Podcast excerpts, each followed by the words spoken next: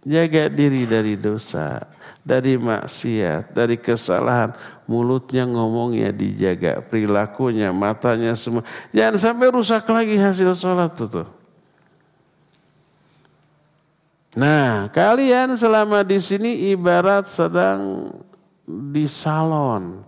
Kalian ditambah ilmunya, ditambah hafalannya, ditambah dibimbing ibadah-ibadahnya. Karena selama di sini nggak ada yang sholat sendirian di kamar kan, pasti berjamaah di rumah. Kecuali yang nggak ketahuan. Eh berjamaah di masjid, kecuali yang nggak ketahuan. Terus nggak diikom. Kalau kena ketahuan gundul, botak tuh. Maka siapa yang botak berarti orang itu sudah melanggar aturan. Ya enggak? Itu kalian Ibarat di salon di sini.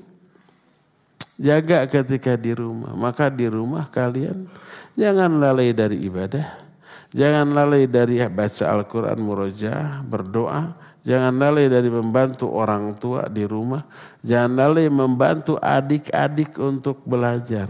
Hormati orang tua dan kakak kalian, tetangga kalian. Ya, hindarkan hal yang bisa merusak kalian. Ingat di rumah jangan bebas, jangan nyetel lagu dan musik lagi.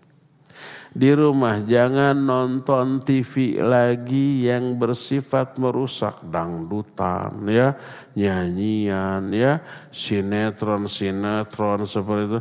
Kalau nonton TV tontonlah para ustadz yang sedang ceramah di, di, di, di, di TV tersebut gitu ya Jauhkan diri dari HP kecuali yang perlu untuk komunikasi. Jangan mah pak kakak pinjam HP. Apa yang dibuka? Hiburan. Apa yang dibuka? Game. Kalau main game semalaman nggak ngantuk kuat itu. Karena dibantu oleh setan laknatullahi alaih. Kalau itu yang terjadi, ibarat sudah nyalon masuk sawah Masuk lumpur, wah itu ada futsal musim hujan gitu sudah mandi, wangi, hu, uh, terus becek jalanan. Ada yang futsal teman-teman ikut. Oh tuh belepotan lagi dengan lumpur. Jangan sampai seperti itu. Jangan rusak hafalan kalian di rumah. Jangan rusak akhlak kalian di rumah, ibadah kalian di rumah. Hindari HP, main game, nonton dan seterusnya, hindari TV, hindari musik dan nyanyian, hindari pergaulan dengan teman-teman yang bisa membawa efek buruk. Ada tuh santri, waliyadzubillah ya, keluar dari sini karena kasus pindah ke yang lain. Eh sekarang ngerokok lagi, sekarang nongkrong-nongkrong sama teman-temannya. Sholatnya awal masih terpelihara, tapi di rumah nggak ke masjid. Kalau subuh belum dipukul, dipukul juga malah nyolot ke yang mukulnya gitu ya. Uh, sekarang sudah hilang status kesantriannya. Hafalannya sudah lebih dari 10 juz. Karena salah gaul, kelalaian orang tua juga dalam mengawasi innalillahi wa inna ilaihi rajiun.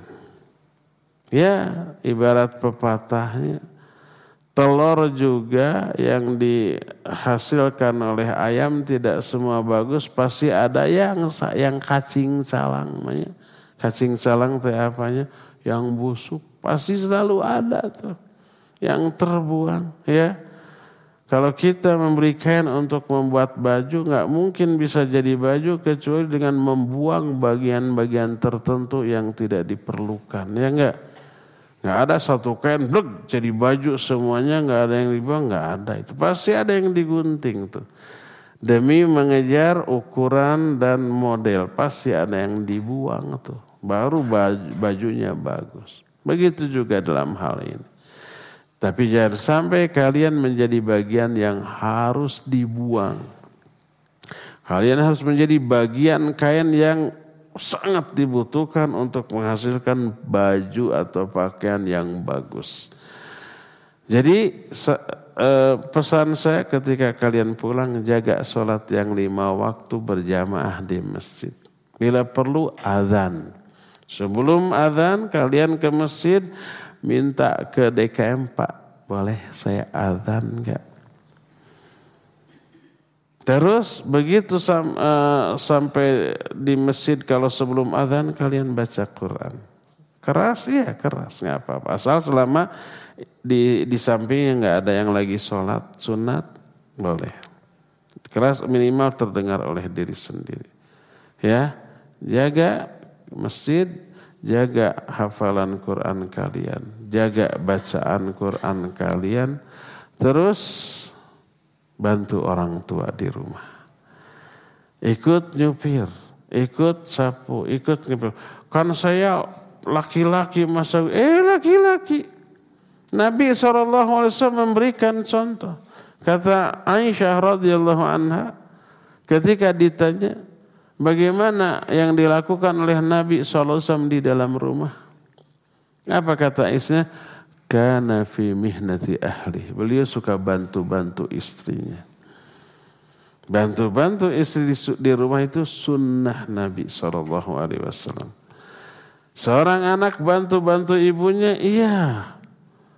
Walaupun kalian nanti akan berkeluarga punya istri-istri yang menghandle, suatu saat kalian harus terlibat ngepel, nyuci, masak, uh, semua yang ada di rumah. Suami harus bisa menghandle. Kadang-kadang istri sakit. Kadang kalau istri sedang melahirkan, nggak bisa ngapa-ngapain, suami itu yang harus. Makanya biasakan sekarang bantu ibu nyuci piring di rumah ya, ngepel, nyuci baju.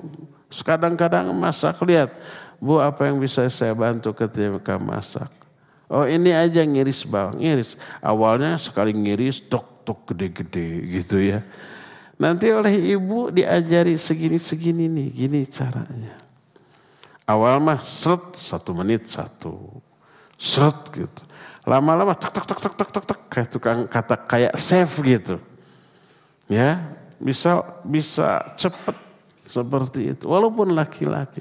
Jago masak, chef rata-rata laki-laki. Pelayan di restoran-restoran banyak juga yang laki-laki karena lebih gesit, lebih kuat fisiknya. Jangan merasa hina untuk ikut membantu ibu di rumah, beres-beres, nyuci piring, ngepel dan seterusnya. Semua tetangga ketika melihat ada anak laki-laki nyapu di depan rumah, di teras, terus ngepel. Semua tetangga pasti kagum, Masya Allah ini anak. Nggak ada yang, ih laki-laki cowok-cowok ngepel. Nggak ada yang begitu. Pasti semuanya memuji. Anaknya dipegang, hei sini-sini anak. Tuh lihat tuh teman kamu, luar biasa hebat.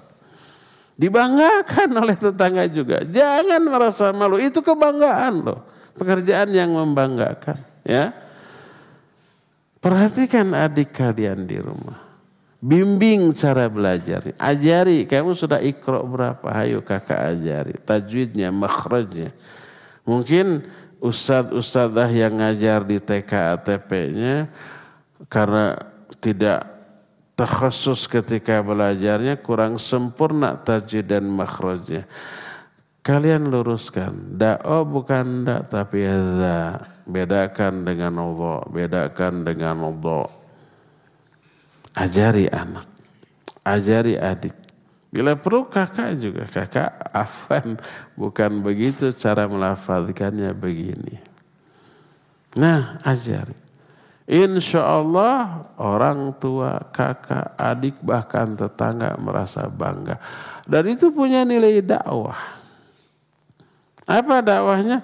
Orang-orang tetangga-tetangga menjadi tertarik untuk menyekolahkan anaknya di pondok yang kita tempat kita sekarang belajar. Begitu. Nah inilah yang disebut dengan kurrata ayun. Ah, ayat yang berupa doa ibadur rahman rabbana hablana min azwajina wa dzurriyyatina qurrata ayun. Qurrata ayun itu sumber kebahagiaan. Kata Imam Al-Qurtubi, ma aqarru ala ainin min ayyarar rajulu zaujatahu wa auladahu muti'ina lillah. Tidak ada sesuatu pun yang lebih membahagiakan seseorang dibanding dia melihat istri dan anak-anaknya taat kepada Allah. Itu yang bikin bangga. Itu yang bikin bahagia. Itu yang membuat orang tua meneteskan air mata bahagia karena kesolehan anak-anaknya. Kalau kita melihat orang kita, orang tua kita bahagia karena kita, kita akan ikut bahagia, mungkin lebih bahagia dibanding kebahagiaan orang tua yang bahagia karena kesolehan kita. Jadilah anak-anak yang soleh di rumah. Jadilah anak yang berubah jauh lebih baik daripada sebelum mondok ya. Bawa nama baik dari pondok ini. Jangan sampai nama pondok ini buruk karena ulah kalian. Sampai di rumah nggak kelihatan seperti santri. Sholatnya susah lagi, Quran nggak pernah dibaca, pekerjaannya nonton TV, main game. Orang tua ngelus dada, ini yang kamu dapat dari pondok. Udah keluar aja lah. Nanti ngomong ke tetangganya, nggak ada hasilnya murok di sana. Anak saya tuh, aduh, bikin kesel. Ini yang harus kalian hindarkan, ya. Dan ini keluhan beberapa orang tua ketika pulang, anaknya pulang liburan dari pondok membuat orang tua kesel. Akhirnya ah pingin segera, udah ke sana lagi, cepet-cepet ke pondok lagi. Masih libur. Ah lebih baik di sana libur juga. Ngapain di sini nonton terus, main game terus, bikin kesel terus. Begitu. Orang tua jadi nangis karena kesel, karena sedih. Jangan sampai seperti itu ya. Pantau terus kita insya Allah akan memantau bagaimana sikap kalian di rumah kalian. Jadilah kebanggaan orang tua, kebanggaan pondok, jaga citra pondok, jaga citra dakwah dan ajaran Islam ini, maka kalian akan menjadi kebanggaan semua pihak, kebanggaan orang tua, kebanggaan para guru, kebanggaan Allah dan Rasulnya, kebanggaan semuanya ya. Ini amanah saya untuk kalian, cukup sampai di sini. Kalau ada satu dua pertanyaan dipersilahkan untuk bertanya. Wa sallallahu ala nabiyina Muhammadin wa ala alihi wa ashabihi wasallam. Cung siapa yang mau bertanya?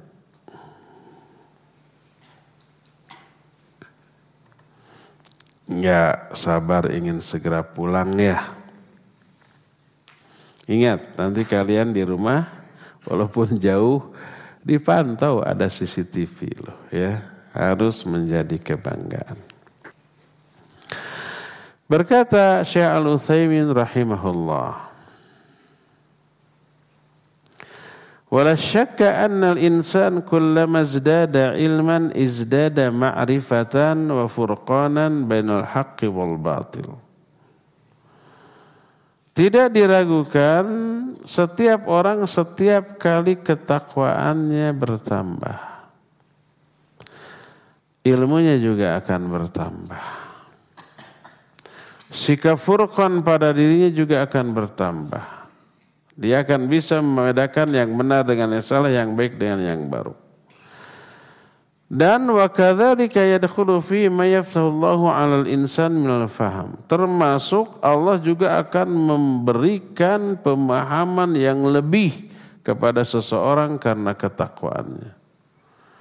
Lianna taqwa sababun liquatil faham.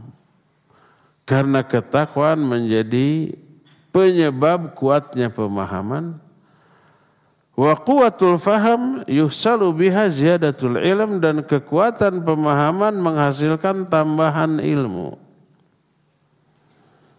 Dari sini ibadah besar pengaruhnya kepada kualitas ilmu dan sebaliknya dosa dan maksiat besar pengaruhnya kepada rusaknya ilmu. Ilmu bisa lupa. Ingat, Ibnu Mas'ud menyatakan inni la ahsibu idza nasiya ar-rajulu ma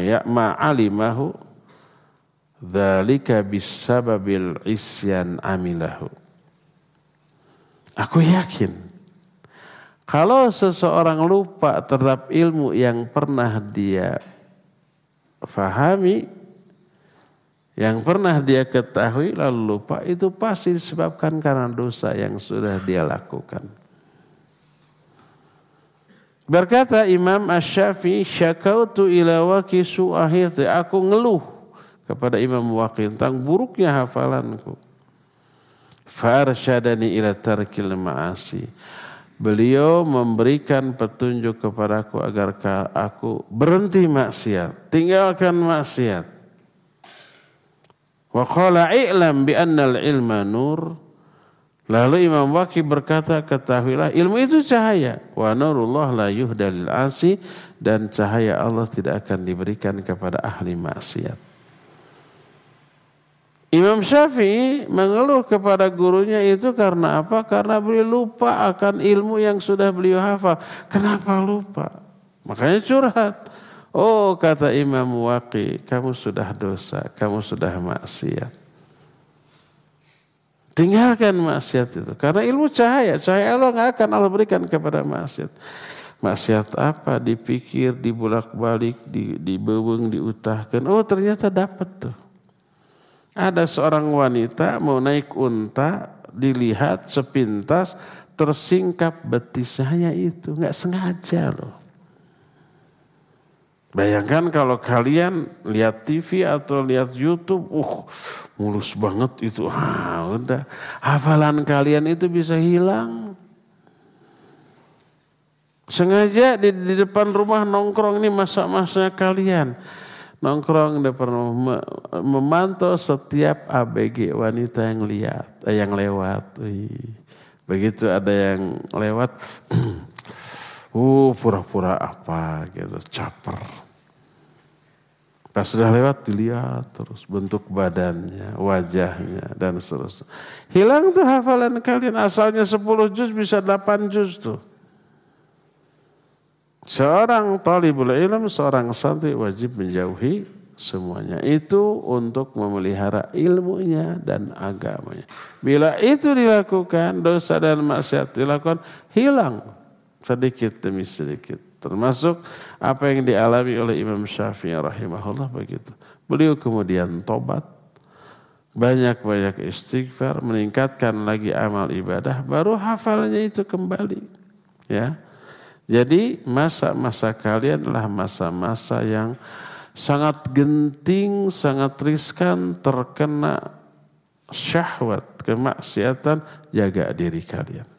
Agar agama kalian, ilmu kalian, hafalan kalian tetap terpelihara dalam dada dan jiwa kalian, tetap kalian akan menjadi kebanggaan. Saya ucapkan selamat berlibur, selamat berjumpa dengan orang tua dan keluarga dan tetap jaga ilmu ibadah dan agama yang sudah kalian dapatkan di sini ya. Cukup ya sampai di sini. Subhanakallahum bihamdik.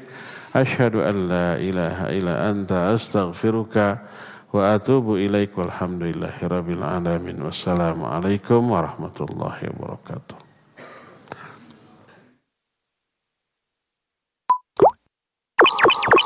Yuk belanja di TS Mart. Dengan belanja di TS Mart, Anda turut berpartisipasi dalam dakwah yang diselenggarakan YTS.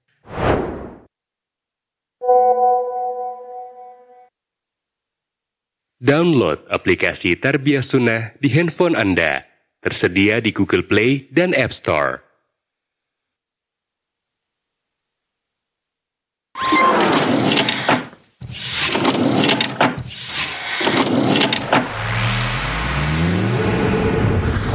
Tarbiyah Sunnah Channel. Lillah, nyunnah, merenah.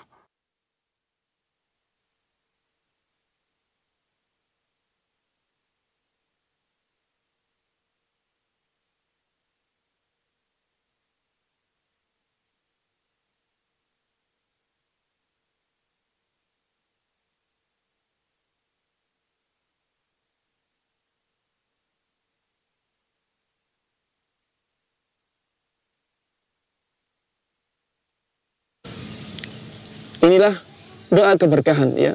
Dan doa ini tidak harus dengan doa bahasa Arab. Bisa juga dengan bahasa Indonesia. Ketika kita kagum terhadap anak kecil, ya, misalnya dengan kekuatan hafalannya, misalnya dengan kelucuannya, maka kita bisa mendoakan anak kecil tersebut dengan mengatakan, Masya Allah, semoga Allah memberkahinya.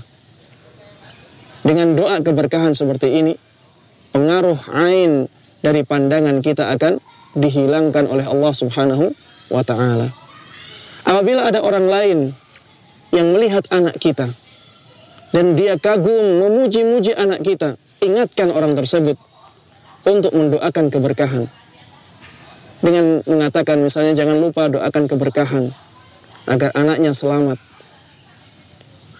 Atau kalau orangnya terlalu banyak ya, orangnya terlalu banyak sehingga kita tidak mungkin memberikan pesan kepada mereka semuanya, kita bisa melindungi anak tersebut dengan doa yang pernah diajarkan oleh Rasulullah Sallallahu Alaihi Wasallam. Misalnya dengan mengatakan kalau anaknya laki-laki satu dengan mengatakan u'idzuka bi kalimatillahi tammati min kulli syaitanin wa hammah wa min kulli ainin lamah. Bacaannya u'idzuka bi kalimatillahi tammah min kulli syaitanin wa hammah wa min kulli ainin lamah.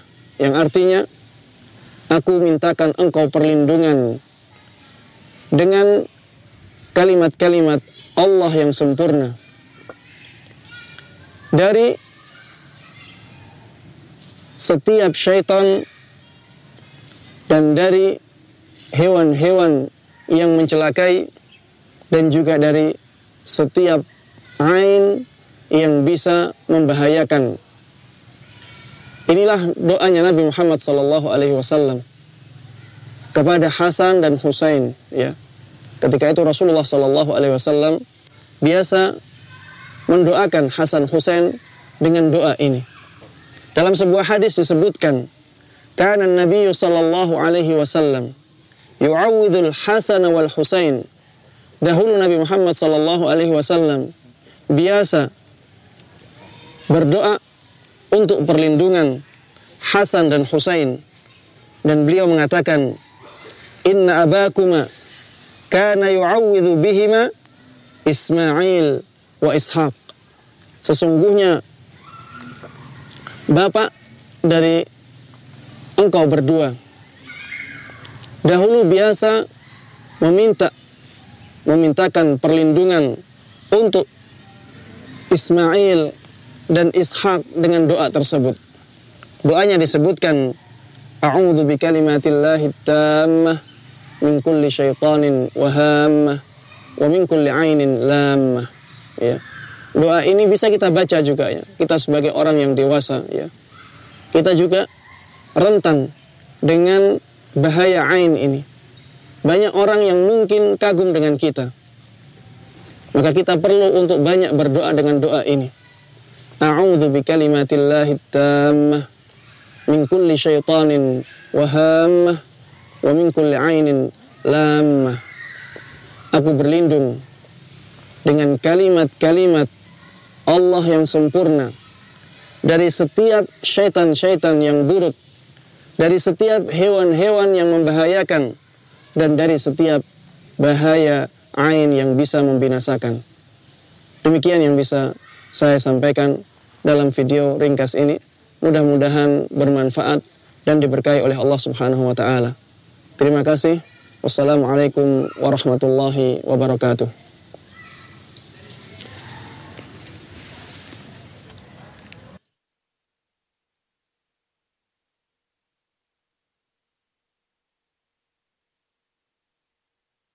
وقال ربكم ادعوني استجب لكم Kata Anas, Rasul SAW sering berdoa.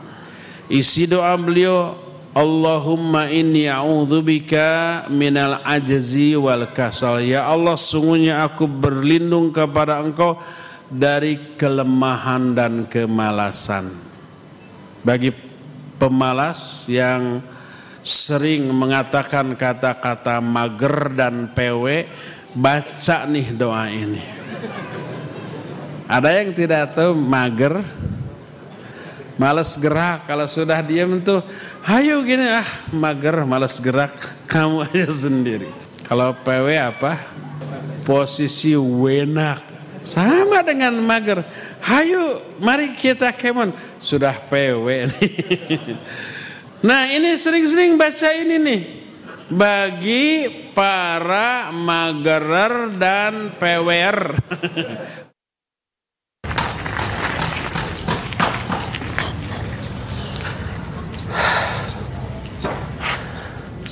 Bismillah. Assalamualaikum warahmatullahi wabarakatuh. Alhamdulillah wassalatu wassalamu ala Rasulillah wa ba'd. Ikhwati fillah azani Allah wa iyyakum. Kita sering kali mendengar bahkan mengucapkan kata-kata akhlak. Satu kata yang mudah diucapkan tapi sangat sulit diaplikasikan. Betapa banyaknya orang yang sangat sangat sangat ingin memiliki akhlak yang mulia. Tapi mereka menemukan banyak kendala ketika ingin mewujudkannya. Salah satu di antara cara agar kita terdorong untuk memiliki akhlak yang mulia adalah mengetahui keagungan dari akhlak ini.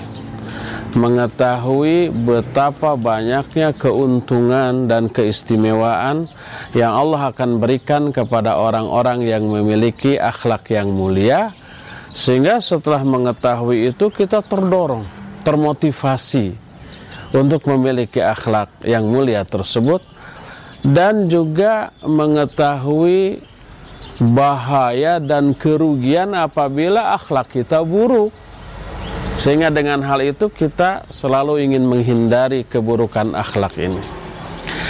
Nah, di antara satu keuntungan yang Allah akan berikan kepada orang-orang yang memiliki akhlak yang mulia adalah kita akan memperoleh kecintaan dari Allah Azza wa Jalla.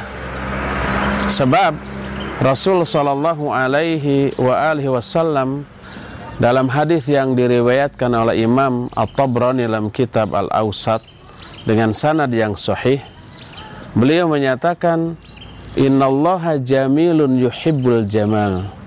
Yuhibbu ma'ali al-akhlaq wa yakrahu safasifaha. Sesungguhnya Allah Azza wa Jalla itu maha indah dan sangat mencintai keindahan, juga mencintai ketinggian akhlak dan membenci keburukan akhlak. Hadis ini menjelaskan secara gamblang bahwa akhlak yang mulia itu dicintai oleh Allah dan dicintai pula orang-orang yang memilikinya. Dan Allah membenci keburukan akhlak dan membenci pula orang-orang yang memiliki keburukan akhlak. Berdasarkan hal itulah, maka tidaklah heran apabila Rasul alaihi salatu wasalam sebagai orang yang oleh Allah azza wa jalla dinyatakan memiliki akhlak yang mulia dengan firman-Nya wa innaka la'ala khuluqin azim. Sesungguhnya engkau ini hai Muhammad benar-benar memiliki akhlak yang sangat agung.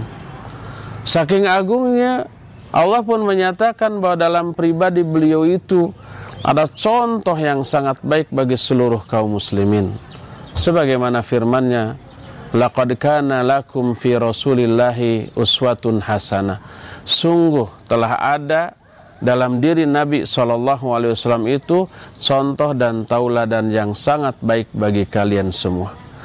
Nah Nabi Sallallahu Alaihi Wasallam yang oleh Allah dikatakan memiliki akhlak yang agung, contoh bagi seluruh umat manusia, ternyata beliau pun selalu berdoa kepada Allah Azza wa Jalla agar dianugerahi akhlak yang baik dan dihindarkan dari akhlak-akhlak yang buruk.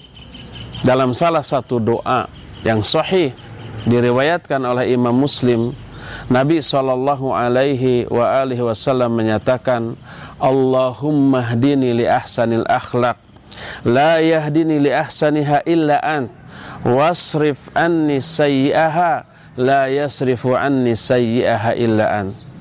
Ya Allah tunjukkanlah aku ke akhlak yang sangat baik. Karena tidak ada yang bisa menunjuki aku kepada kemuliaan akhlak kecuali engkau dan palingkan aku dari akhlak yang buruk karena tidak ada seorang pun yang bisa memalingkan aku dari akhlak yang buruk kecuali engkau. Ini doa Nabi SAW minta hidayah kepada Allah Azza wa Jalla agar Allah memberi hidayah kepada beliau untuk memiliki akhlak yang mulia dan minta agar dipalingkan, dijauhkan sejauh-jauhnya dari keburukan akhlak. Dalam hadis yang diriwayatkan oleh Imam At-Tirmidzi dalam kitab sunannya dengan sanad yang juga sahih, Nabi SAW pun pernah berdoa, Allahumma inni a'udzubika min munkaratil akhlaq wal a'mal wal ahwa wal adwa. Ya Allah sesungguhnya aku berlindung kepada engkau dari kemungkaran akhlak, kemungkaran amal, hawa nafsu dan amal-amal atau penyakit-penyakit yang sangat buruk. Ini dilakukan oleh Nabi alaihi salatu wassalam agar Allah azza wa jalla selalu membimbing beliau untuk berada di atas akhlak yang mulia dan dipalingkan dari keburukan akhlak karena ternyata kemuliaan akhlak mengundang kecintaan dari Allah Azza wa Jalla sebaliknya keburukan akhlak mengundang kebencian dan murka dari Allah Azza wa Jalla kalau muncul pertanyaan apa sih untungnya kalau seseorang dicintai oleh Allah Azza wa Jalla Tentu saja semua orang punya jawabannya. Jangankan dicintai oleh Allah, raja di raja, penguasa semesta alam. Dicintai oleh sesama manusia saja. Sudah sangat menguntungkan, sudah sangat membahagiakan. Sudah merasa kita ini ada harga dalam kehidupan di dunia ini. Apalagi bila yang mencintai kita itu Allah Azza wa Jalla. Salah satu di antara keuntungan orang yang dicintai oleh Allah diterangkan dalam salah satu hadis qudsi yang sahih diriwayatkan oleh Imam Bukhari. Allah Azza wa Jalla menyatakan, "Fa idza ahbabtuhu kuntu sam'ahu alladhi yasma'u bih." wa basarahu alladhi yubsiru bih wa yadahu allati yabtashu biha wa rijlahu allati yamshi biha wa in sa'alani fa'ataituhu wa la in ista'adani la'idhannahu Kata Allah Azza wa Jalla, apabila aku telah mencintai seorang hamba, maka aku akan menjadi pendengarannya yang dengannya lah dia akan mendengar. Aku akan menjadi penglihatannya yang dengannya lah dia melihat. Aku pun akan menjadi kedua tangannya yang dengannya lah orang itu akan bertindak. Aku pun akan menjadi kedua kakinya yang dengan kedua kaki itu dia melangkah. Kalau dia minta sesuatu kepadaku, pasti akan aku berikan. Dan apabila dia meminta perlindungan kepadaku, pasti akan aku berikan perlindungan. Coba bayangkan hadis sahih riwayat Imam Bukhari ini pemirsa yang budiman.